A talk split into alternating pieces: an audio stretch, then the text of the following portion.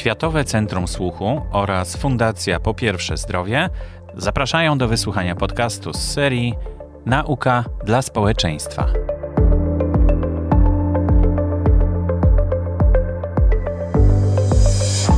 Gościem odcinka jest doktor nauk medycznych Grażyna Tacikowska. Jest absolwentką Wydziału Lekarskiego Akademii Medycznej w Warszawie, pracuje w Instytucie Fizjologii i Patologii Słuchu, gdzie jest zatrudniona na stanowisku adiunkta. Posiada specjalizację pierwszego stopnia w dziedzinie otolaryngologii i specjalizację drugiego stopnia w dziedzinie audiologii. Od 2000 roku główną dziedziną działalności klinicznej i naukowej dr Tacikowskiej są zaburzenia układu równowagi, w szczególności neurofizjologiczna diagnostyka układu przedsionkowego, w szczególności badania w położeniowych zawrotach głowy oraz okulografia w centralnych uszkodzeniach układu równowagi.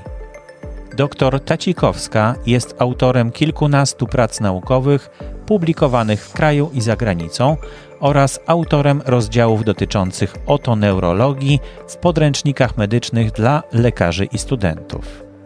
Prowadzi zajęcia dydaktyczne na kursach specjalizacyjnych Centrum Medycznego Kształcenia Podyplomowego na Studium Obiektywnych Badań Słuchu. Od szeregu lat prowadzi zajęcia na kursach szkoleniowych i warsztatach organizowanych przez Instytut Fizjologii i Patologii Słuchu. Przy mikrofonie Borys Kozielski, witam serdecznie, zapraszam do kolejnej audycji na temat zdrowia. E, dzisiaj e, do mikrofonu zaprosiłem panią dr Grażynę Tacikowską, żeby porozmawiać o zawrotach głowy, ale tym razem u dzieci i młodzieży. Proszę mi powiedzieć, e, to chyba trudniej zdiagnozować, prawda? Bo dzieci są mniej, że tak powiem, żywe są bardziej jak srebro, mhm. tak? Ruszają się, dużo się dzieje w ich, w ich życiu. E, i często nie zwracają uwagi na różne rzeczy. Dopiero dorośli mogą stwierdzić, że no coś, coś jest, jest nie tak. w porządku, mhm. tak. Bo dziecko samo to mhm. z siebie może... Tak, to rzeczywiście jakby ta diagnostyka dzieci e, no jest, e, jest dużo trudniejsza. Ja tak uważam, że jest trudniejsza, bo, bo w ogóle takim jakby bazą diagnozowania zawrotów głowy, zresztą jak w każdej dziedzinie, ale wydaje mi się, że w tej dziedzinie zawrotów głowy jest to szczególnie istotne, jest wywiad e, od pacjenta, czyli to, jak pacjent opisze nam swoje objawy. Bardzo mocno, bardzo mocno na tym polegamy, dlatego że często jakby badania dodatkowe nam nie rozwiązują y, tutaj, nie dają nam odpowiedzi, y, albo wiele chorób zawrotowych Mm, przebiega w postaci ataków, jak badamy pacjenta między atakami, to wszystko jest w porządku, więc my w dużej mierze musimy rzeczywiście na, tej, na tym wywiadzie oprzeć, a w przypadku dziecka ten wywiad po prostu często jest, no tak. Y, nie istnieje, mówiąc krótko. Y, my w dużej części jakby pytamy rodziców, opiekunów, o ich obserwacje. No i jak się objawia właśnie zawroty głowy? Czy, czy, czy, coś jakby widzą u dziecka na przykład niepokojącego? Czasami dzieci jakby no, mogą zwerbalizować to i nazywają, że, że, że, że im się kręci, albo czasami po prostu rodzice widzą, że dziecko zaczyna się inaczej zachowywać, albo na przykład zaczyna się przewracać. Mhm. Takie powiedzmy, jakieś, jeżeli ma jakieś przyczyny ostre zawrotów głowy, no to takie dziecko na zacznie się e, jakby mm, no wywracać się, jakby plęczą mu się nogi, albo wręcz po prostu gdzieś tam się na podłodze kładzie. E, jak, jak, jak rodzic próbuje go, jak to mówimy medycznie, spionizować, czy jakby postawić, no to ono, ono znowu leci. To jest to już tak by, no, to jest taki objaw, gdzie na pewno rodzic, rodzica mhm. zaniepokoi. Albo dziecko biegnie do, do opiekunów, na przykład przytula się, gdzieś tam się tuli. Widać też jakby no rodzice są jakby często no, no, takimi dobrymi też y, obserwatorami, jakby diagnostami. Na przykład widzą, że dziecko zachowuje się inaczej niż dotychczas. No, nie wiem, blednie albo um, tak jakby traci się z nim kontakt, tak jakby trochę się zawiesza, że tak powiem, takie, no, albo no, no widać, że jakby coś się z nim działo. Y, I, I mogą jakby tutaj zasięgnąć y, wtedy jakby no, no już, już jakby ich to skłoni do tej konsultacji co mogą, albo na przykład niektórzy ojciec zgłaszają się z takim objawem, że dotyczy tych młodszych dzieci, takich, które nabywają te y, zdolności różne motoryczne, że na przykład no oni już na przykład tak, tak, tak, na przykład mogą, no nawet już wcześniejszych, tak mhm. jakby już tak od, jak, jak dziecko zaczyna się pionizować, że tak powiem i chodzi, to jest tak około te, te 12, 12, 18 miesięcy y, i i na przykład y, zauważają, że, że, że jakby no poruszał się lepiej, już zdobywał te takie kroki milowe, a nagle cofnęło się to. I, na przykład, I woli siedzieć. I na przykład to ich na przykład może zaniepokoić, tak? Mhm. Albo, albo, no, że, albo czasami z takim problemem pacjenci, y, rodzice przychodzą, że na przykład dziecko nie jest w stanie się nauczyć y, jazdy na rowerku, nawet takim czterokołowym, czy nawet takim odpychanym, że, co, że po prostu no, no, widzą, że inne dzieci w tym wieku już osiągają tą zdolność, a ich dziecko nie. Albo właśnie takie ostre objawy, czyli, czyli jakby nie te problemy motoryki, jakby rozwoju motorycznego, tylko na właśnie, że dziecko nagle się przewraca, nagle traci równowagę, dziwnie się zachowuje, boi się, ucieka, tuli się, że to, to może jakimś takim być objawem. Mm, no a te starsze dzieci powiedzmy też potrafią jakby wy, nazwać to tak, że mhm. na, nazwą, że coś się w głowie ich dzieje. Czy to może być powiązane właśnie ze słuchem? Z, Może być bo błędnik jest w uchu, prawda? Tak, i to są jakby takie te dwie funkcje blisko siebie, że tak powiem, jakby mieszkają w jednym domu, tak to mhm. można nazwać.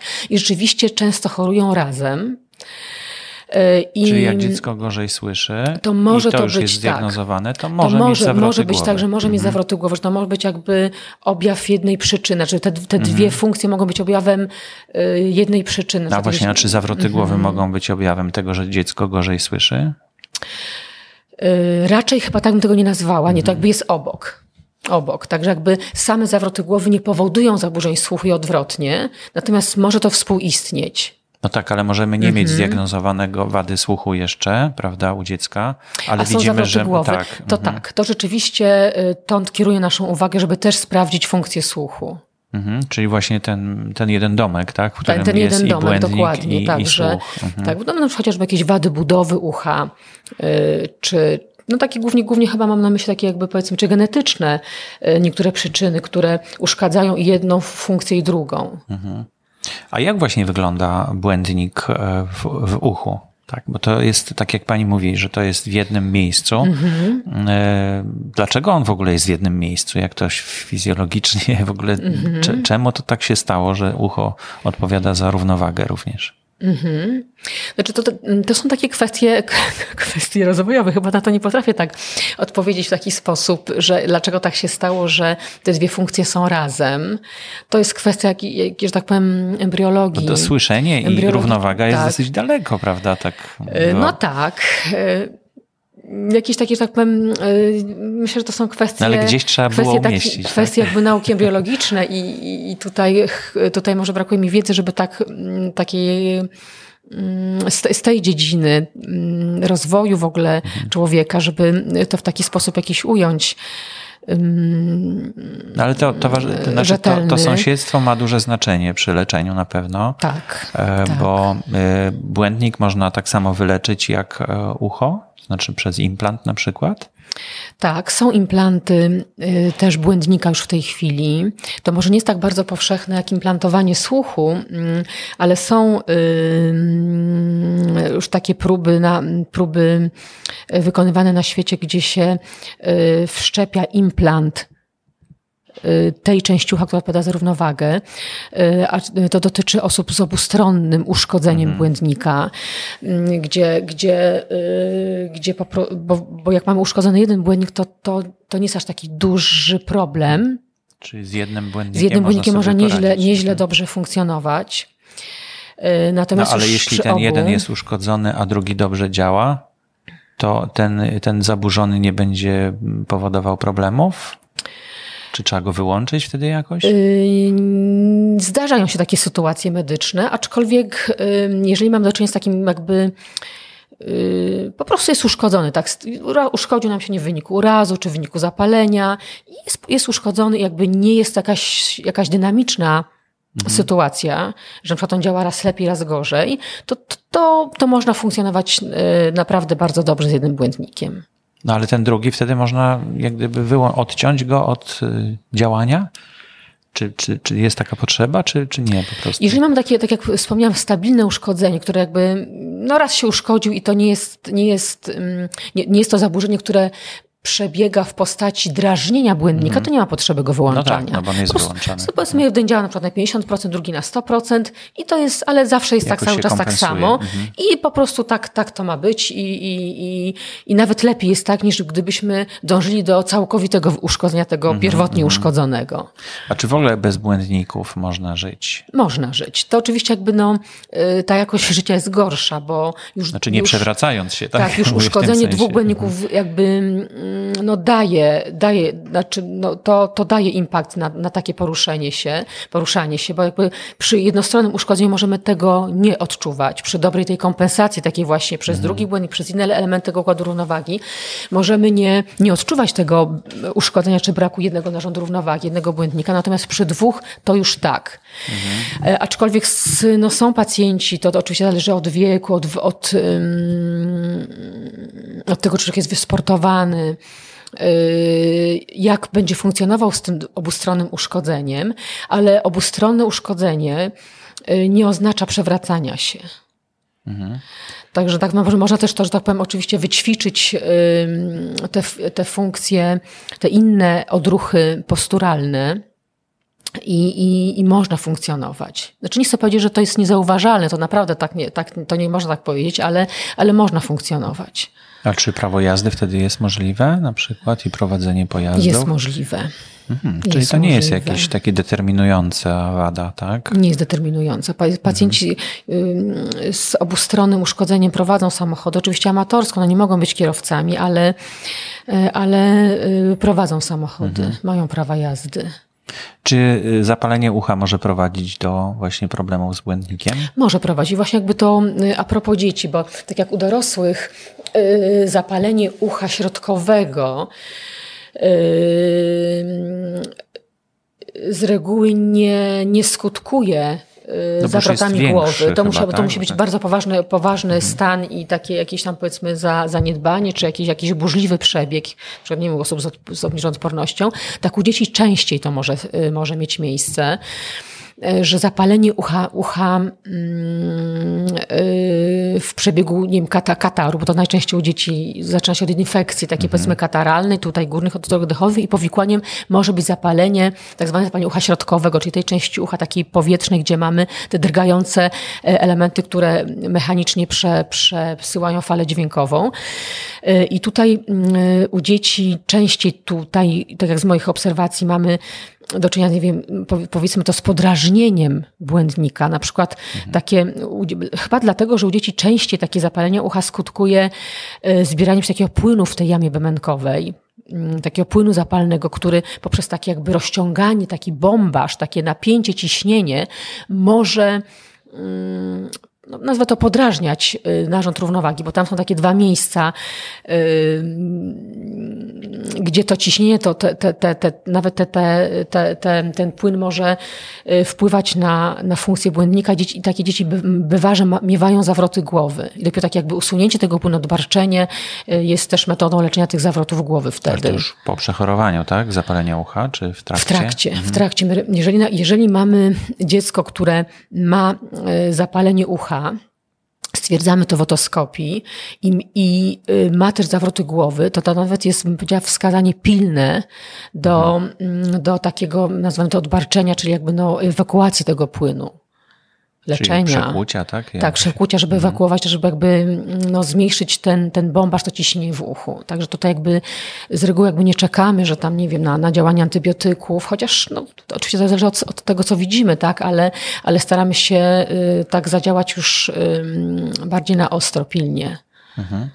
Co jeszcze chciałaby Pani poradzić rodzicom mm, dzieci? No bo dzieci same się nie zgłoszą z tym, że mają zawroty głowy, tylko mogą tam po prostu pomarudzić, że kręci mi się w głowie coś, prawda? Ale to, mhm. to jednak większe tutaj mm, e, ciężar ciąży na, na rodzicach. Na rodzicach, tak? oczywiście.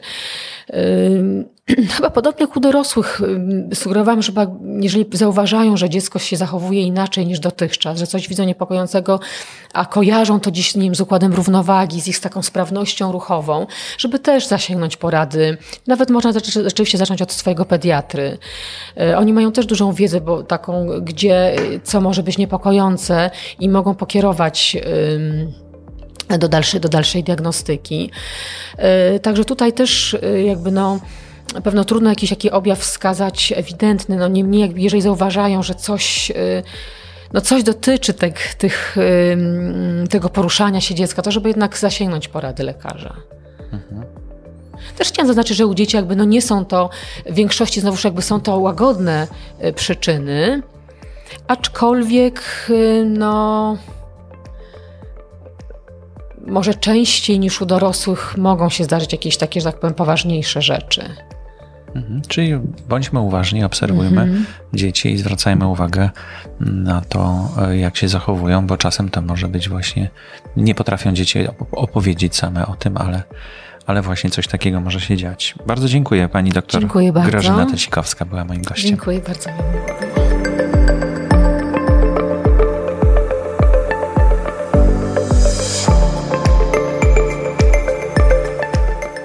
To był odcinek podcastu Nauka dla społeczeństwa. Zapraszamy do kontaktu poprzez e-maila mam.